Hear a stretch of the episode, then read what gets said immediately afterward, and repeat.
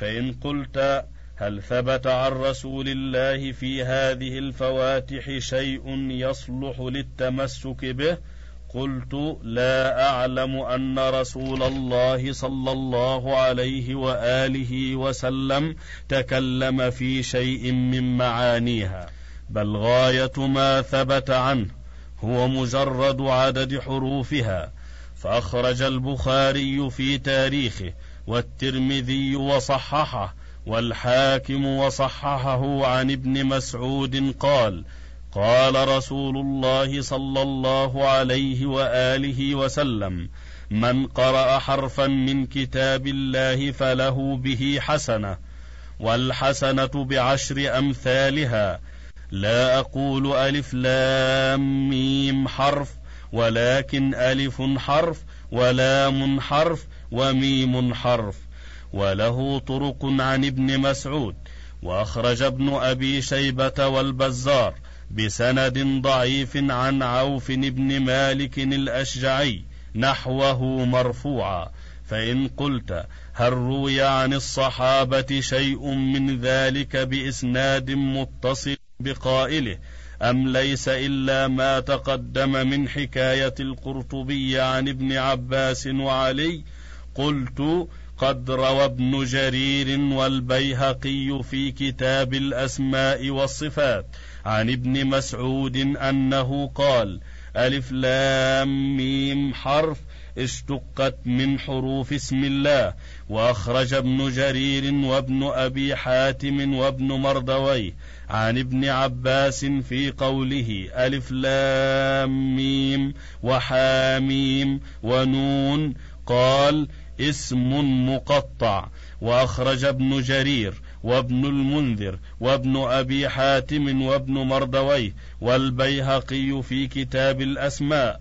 عن ابن عباس أيضا في قوله ألف لام ميم وألف لام ميم صاد وألف لام را وألف لام ميم را وكاف ها يا عين صاد. وطه وطاسيم ميم وطاسين وياسين وصاد وحاميم وقاف ونون. قال هو قسم أقسمه الله وهو من أسماء الله. وأخرج ابن جرير عن ابن مسعود في قوله ألف لام ميم. قال هي اسم الله الأعظم. وأخرج عبد بن حميد عن الربيع بن أنس في قوله ألف لام ميم. قال ألف مفتاح اسمه الله ولام مفتاح اسمه لطيف وميم مفتاح اسمه مجيد. وقد روي نحو هذه التفاسير. عن جماعة من التابعين فيهم عكرمة والشعبي والسدي وقتادة ومجاهد والحسن فإن قلت هل يجوز الاقتداء بأحد من الصحابة قال في تفسير شيء من هذه الفواتح قولا صح إسناده إليه قلت لا لما قدمنا إلا أن يعلم أنه قال ذلك عن علم أخذه عن رسول الله صلى الله عليه وآله وسلم. فإن قلت هذا مما لا مجال للاجتهاد فيه ولا مدخل للغة العرب فلم لا يكون له حكم الرفع؟ قلت تنزيل هذا منزلة المرفوع وإن قال به طائفة من أهل الأصول وغيرهم فليس مما ينشرح له صدور المنصفين ولا سيما إذا كان في مثل هذا المقام وهو التفسير لكلام الله سبحانه فإنه دخول في أعظم الخطر بما لا برهان عليه صحيح إلا مجرد قولهم إنه يبعد من الصحابي كل البعد أن يقول بمحض رأيه فيما لا مجال فيه للاجتهاد وليس مجرد هذا الاستبعاد مسوغا للوقوع في خطر الوعيد الشديد على أنه يمكن أن يذهب بعض الصحابة إلى تفسير بعض المتشابه كما نجده كثيرا في تفاسيرهم المنقولة عنهم.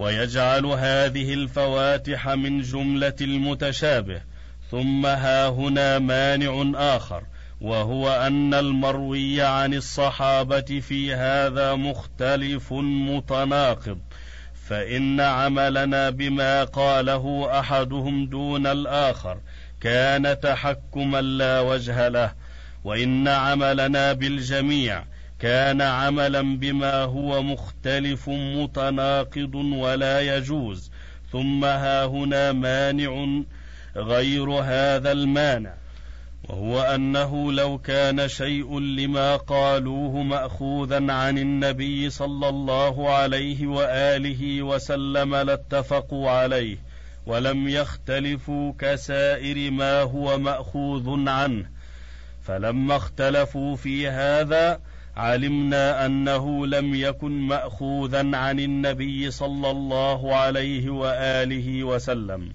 ثم لو كان عندهم شيء عن النبي صلى الله عليه وآله وسلم في هذا لما تركوا حكايته عنه ورفعه إليه لا سيما عند اختلافهم واضطراب أقوالهم في مثل هذا الكلام الذي لا مجال للغة العرب فيه ولا مدخل لها. والذي أراه لنفسي ولكل من أحب السلامة واقتدى بسلف الأمة. ألا يتكلم بشيء من ذلك مع الاعتراف بأن في إنزالها حكمة لله عز وجل. لا تبلغها عقولنا ولا تهتدي إليها أفهامنا. وإذا انتهيت إلى السلامة في مداك فلا تجاوزه وسيأتي لنا عند تفسير قوله تعالى منه آيات محكمات هن أم الكتاب وأخر متشابهات كلام طويل الذيول وتحقيق تقبله صحيحات الأفهام وسليمات العقول. ذلك الكتاب لا ريب فيه هدى للمتقين. الإشارة بقوله ذلك إلى الكتاب المذكور بعده. قال ابن جرير قال ابن عباس ذلك الكتاب هذا الكتاب وبه قال مجاهد وعكرمة وسعيد بن جبير والسدي ومقاتل وزيد بن أسلم وابن جريج وحكاه البخاري عن أبي عبيدة. والعرب قد تستعمل الإشارة إلى البعيد الغائب مكان الإشارة إلى القريب الحاضر كما قال خفاف أقول له والرمح يأطر متنه تأمل خفافا أنني أنا ذلك أي أنا هذا ومنه قوله تعالى ذلك عالم الغيب والشهادة العزيز الرحيم. وتلك حجتنا آتيناها إبراهيم. تلك آيات الله نتلوها عليك. ذلكم حكم الله يحكم بينكم. وقيل إن الإشارة إلى غائب. واختلف في ذلك الغائب. فقيل هو الكتاب الذي كتب على الخلائق بالسعادة والشقاوة والأجل والرزق. لا ريب فيه أي لا مبدل له. وقيل ذلك الكتاب الذي كتبه الله على نفسه في الأزل أن رحمته سبقت غضبه. كما في صحيح مسلم عن أبي هريرة قال قال رسول الله صلى الله عليه وآله وسلم لما قضى الله الخلق كتب في كتاب على نفسه فهو موضوع عنده إن رحمتي تغلب غضبي وفي رواية سبقت وقيل الإشارة إلى ما قد نزل بمكة وقيل إلى ما في التوراة والإنجيل وقيل إشارة إلى قوله قبله ألف لام ميم ورجحه الزمخشري. وقد وقع الاختلاف في ذلك إلى تمام عشرة أقوال حسب ما حكاه القرطبي. وأرجحها ما صدرناه واسم الإشارة مبتدأ. والكتاب صفته والخبر لا ريب فيه ومن جوز الابتداء بألف لام ميم جعل ذلك مبتدأ ثانيا. وخبره الكتاب أو هو صفته والخبر لا ريب فيه والجملة خبر المبتدأ. ويجوز أن يكون المبتدأ مقدرا وخبره ألف لام ميم وما بعده والريب مصدر وهو قلق النفس واضطرابها وقيل إن الريب الشك. قال ابن أبي حاتم لا أعلم في هذا خلافا وقد يستعمل الريب في التهمة والحاجة. حكي ذلك عن القرطبي. ومعنى هذا النفي العام أن الكتاب ليس بمظنة للريب لوضوح دلالته وضوحا يقوم مقام البرهان المقتضي لكونه لا ينبغي الارتياب فيه بوجه من الوجوه. والوقف على فيه هو المشهور. وقد روي عن نافع وعاصم الوقف على لا ريب. قال في الكشاف ولا بد للواقف من أن ينوي خبرا. ونظيره قوله تعالى قالوا لا ضير. وقول العرب لا بأس. وهي كثيرة في لسان أهل الحجاز. والتقدير لا ريب فيه فيه هدى. والهدى مصدر. قال الزمخشري وهو الدلالة الموصلة إلى البغية بدليل وقوع الضلال في مقابلته. انتهى. ومحله الرفع على الابتداء. وخبره الظرف المذكور قبله على ما سبق. قال القرطبي الهدى هديان. هدى دلالة وهو الذي يقدر عليه الرسل وأتباعهم. قال الله تعالى ولكل قوم هاد. وقال وإنك لتهدي إلى صراط مستقيم. فأثبت لهم الهدى الذي معناه الدلالة والدعوة والتنبيه. وتفرد سبحانه بالهدى الذي معناه التأييد والتوفيق. فقال لنبيه صلى الله عليه وآله وسلم إنك لا تهدي من أحببت. فالهدى على هذا يجيء بمعنى خلق الإيمان في القلب. ومنه قوله تعالى أولئك على هدى من ربهم. وقوله ولكن الله يهدي من يشاء. انتهى. والمتقين من ثبتت لهم التقوى. قال ابن فارس وأصلها في اللغة قلة الكلام. وقال في الكشاف المتقي في اللغة اسم فاعل من قولهم وقاه فاتقى. والوقاية الصيانة ومنه فرس واق وهذه الدابة تقي من جاورها إذا أصابها ضلع من غلظ الأرض ورقة الحافر فهو يقي حافره أن يصيبه أدنى شيء يؤلمه وهو في الشريعة الذي يقي نفسه تعاطي ما يستحق به العقوبة من فعل أو ترك انتهى وأخرج ابن جرير والحاكم وصححه عن ابن مسعود أن الكتاب القرآن لا ريب فيه لا شك فيه. وأخرج ابن إسحاق وابن جرير وابن أبي حاتم عن ابن عباس في قوله لا ريب فيه قال لا شك فيه. وأخرج أحمد في الزهد وابن أبي حاتم عن أبي الدرداء قال الريب الشك.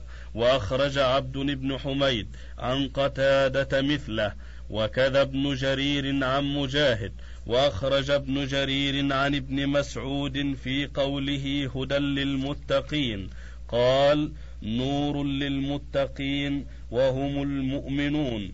واخرج ابن إسحاق وابن جرير وابن أبي حاتم عن ابن عباس في قوله هدى للمتقين أي الذين يحذرون من الله عقوبته في ترك ما يعرفون من الهدى ويرجون رحمته في التصديق مما جاء منه.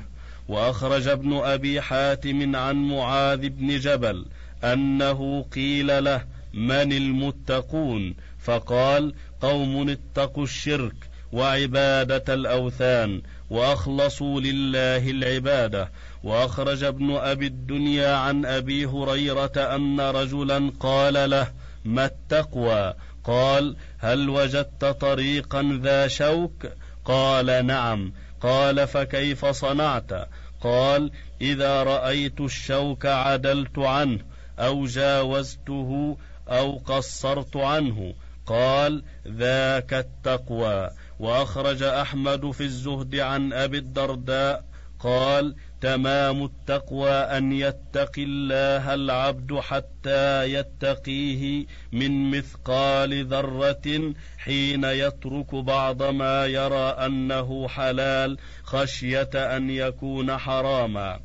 يكون حجابا بينه وبين الحرام.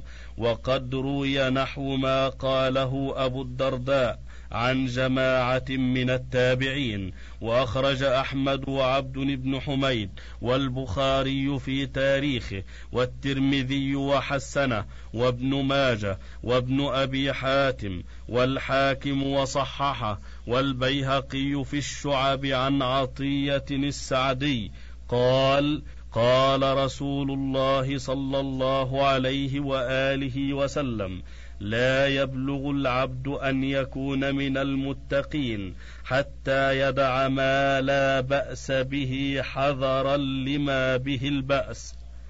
فالمصير إلى ما أفاده هذا الحديث واجب ويكون هذا معنى شرعيا للمتقي.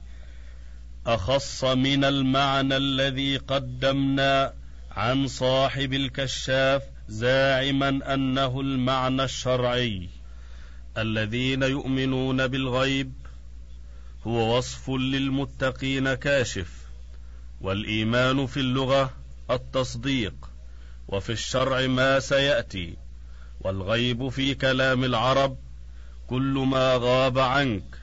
قال القرطبي واختلف المفسرون في تأويل الغيب هنا فقالت فرقة الغيب في هذه الآية هو الله سبحانه وضعفه ابن العربي وقال آخرون القضاء والقدر وقال آخرون القرآن وما فيه من الغيوب وقال آخرون الغيب كل ما أخبر به الرسول مما لا تهتدي إليه العقول من أشراط الساعة وعذاب القبر والحشر والنشر والصراط والميزان والجنة والنار. قال ابن عطية وهذه الأقوال لا تتعارض بل يقع الغيب على جميعها. قال وهذا هو الإيمان الشرعي. المشار إليه في حديث جبريل حين قال للنبي صلى الله عليه وآله وسلم فأخبرني عن الإيمان. قال أن تؤمن بالله وملائكته وكتبه ورسله واليوم الآخر وتؤمن بالقدر خيره وشره. قال صدقت. انتهى. وهذا الحديث هو ثابت في الصحيح بلفظ أن تؤمن بالله وملائكته وكتبه ورسله والقدر خيره وشره. وقد أخرج ابن أبي حاتم والطبراني وابن مندة وأبو نعيم كلاهما في معرفة الصحابة عن تويلة بنت أسلم. قالت صليت الظهر أو العصر في مسجد بني حارثة فاستقبلنا مسجد إليا فصلينا سجدتين ثم جاءنا من يخبرنا بأن رسول الله صلى الله عليه وآله وسلم قد استقبل البيت. فتحول الرجال مكان النساء والنساء مكان الرجال فصلينا السجدتين الباقيتين ونحن مستقبلون البيت الحرام. فبلغ رسول الله صلى الله عليه وآله وسلم فقال أولئك قوم آمنوا بالغيب. وأخرج البزار وأبو يعلي والحاكم وصححه عن عمر بن الخطاب قال كنت جالسا مع النبي صلى الله عليه وآله وسلم فقال أنبئوني بأفضل أهل الإيمان إيمانا. فقالوا يا رسول الله الملائكة قال هم كذلك. ويحق لهم وما يمنعهم وقد أنزلهم الله المنزلة التي أنزلهم بها.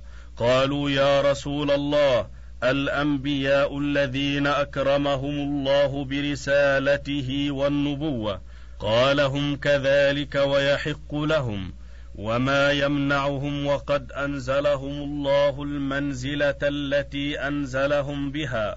قالوا يا رسول الله الشهداء الذين استشهدوا مع الأنبياء. قال هم كذلك وما يمنعهم وقد أكرمهم الله بالشهادة. قالوا فمن يا رسول الله؟ قال أقوام في أصلاب الرجال يأتون من بعدي يؤمنون بي ولم يروني ويصدقوني ولم يروني يجدون الورق المعلق فيعملون بما فيه فهؤلاء أفضل أهل الإيمان إيمانا وفي إسناده محمد بن أبي حميد وفيه ضعف وأخرج الحسن بن عرفة في حزبه المشهور والبيهقي في الدلائل عن عمرو بن شعيب عن أبيه عن جده قال قال رسول الله صلى الله عليه وآله وسلم فذكر نحو الحديث الأول وفي إسناده المغيرة بن قيس البصري وهو منكر الحديث وأخرج نحوه الطبراني عن ابن عباس مرفوعا والإسماعيلي عن أبي هريرة مرفوعا أيضا والبزار عن أنس مرفوعا وأخرج ابن أبي شيبة في مسنده عن عوف بن مالك قال قال رسول الله صلى الله عليه وآله وسلم يا ليتني قد لقيت إخواني. قالوا يا رسول الله ألسنا إخوانك؟ قال بلى ولكن قوم يجيئون من بعدكم يؤمنون بي ايمانكم ويصدقوني تصديقكم وينصروني نصركم فيا ليتني قد لقيت إخواني. وأخرج نحوه ابن عساكر في الأربعين السباعية من حديث أنس وفي إسناده أبو هدبة وهو كذاب وزاد فيه ثم قرأ النبي صلى الله عليه وآله وسلم الذين يؤمنون بالغيب ويقيمون الصلاة الآية وأخرج أحمد والدارمي والبارودي وابن قانع معا في معجم الصحابة والبخاري في تاريخه والطبراني والحاكم عن أبي جمعة الأنصاري قال: قلت يا رسول الله هل من قوم أعظم منا أجرا؟ آمنا بك واتبعناك. قال ما يمنعكم من ذلك ورسول الله بين أظهركم يأتيكم بالوحي من السماء. بل قوم يأتون من بعدكم يأتيهم كتاب الله بين لوحين فيؤمنون بي ويعملون بما فيه أولئك أعظم منكم أجرا. وأخرج أحمد وابن أبي شيبة والحاكم عن أبي عبد الرحمن الجهني قال بينما نحن عند رسول الله صلى الله عليه وآله وسلم إذ طلع راكبان فقال رسول الله صلى الله عليه وآله وسلم كنديان أو مزحجيان حتى أتيا فإذا رجلان من مذحج فدنا أحدهما ليبايعه فلما أخذ بيده قال يا رسول الله أرأيت من جاءك فآمن بك واتبعك وصدقك فماذا له؟ قال طوبى له. فمسح على زنده وانصرف. ثم جاء الآخر حتى أخذ بيده ليبايعه فقال يا رسول الله أرأيت من آمن بك وصدقك واتبعك ولم يرك؟ قال طوبى له ثم طوبى له ثم مسح على زنده وانصرف. وأخرج الطيالسي وأحمد والبخاري في تاريخه والطبراني والحاكم عن أبي أمامة الباهلي قال قال رسول الله صلى الله عليه وآله وسلم طوبى لمن رآني وآمن بي وطوبى لمن آمن بي ولم يرني سبع مرات. وأخرج أحمد وابن حبان عن أبي سعيد أن رجلا قال يا رسول الله طوبى لمن رآك وآمن بك. قال طوبى لمن رآني وآمن بي وطوبى ثم طوبى ثم طوبى لمن آمن بي ولم يرني. وأخرج الطيالسي وعبد بن حميد عن ابن عمر نحوه. وأخرج أحمد وأبو يعلى والطبراني من حديث أنس نحو حديث أبي أمامة الباهلي المتقدم. وأخرج سفيان بن عيينة وسعيد بن منصور وأحمد بن منيع في مسنده. وابن أبي حاتم وابن الضباري والحاكم وصححه عن ابن مسعود أنه قال والذي لا إله غيره ما آمن أحد أفضل من إيمان بغيب. ثم قرأ ألف لام ميم ذلك الكتاب لا ريب فيه إلى قوله المفلحون. وللتابعين أقوال والراجح ما تقدم من أن الإيمان الشرعي يصدق على جميع ما ذكر هنا. قال ابن جرير والأولى أن تكونوا موصوفين بالإيمان بالغيب قولا واعتقادا وعملا. قال وتدخل الخشية لله في معنى الإيمان الذي هو تصديق القول بالعمل. والإيمان كلمة جامعة للإقرار بالله وكتبه ورسله وتصديق الإقرار بالفعل. وقال ابن كثير إن الإيمان الشرعي المطلوب لا يكون إلا اعتقادا وقولا وعملا. هكذا ذهب إليه أكثر الأئمة بل قد حكاه الشافعي وأحمد بن حنبل وأبو عبيد وغير واحد إجماعا أن الإيمان قول وعمل ويزيد وينقص وقد ورد فيه آيات كثيرة انتهى. ويقيمون الصلاة ومما رزقناهم ينفقون. هو معطوف على يؤمنون والإقامة في الأصل الدوام والثبات. يقال قام الشيء أي دام وثبت وليس من القيام على الرجل وإنما هو من قولك قام الحق أي ظهر وثبت. قال الشاعر وقامت الحرب بنا على ساق. وقال آخر وإذا يقال أقيموا لم تبرحوا حتى تقيم الخيل سوق طعام انتهى الشريط الثالث. وللكتاب بقية على الشريط التالي.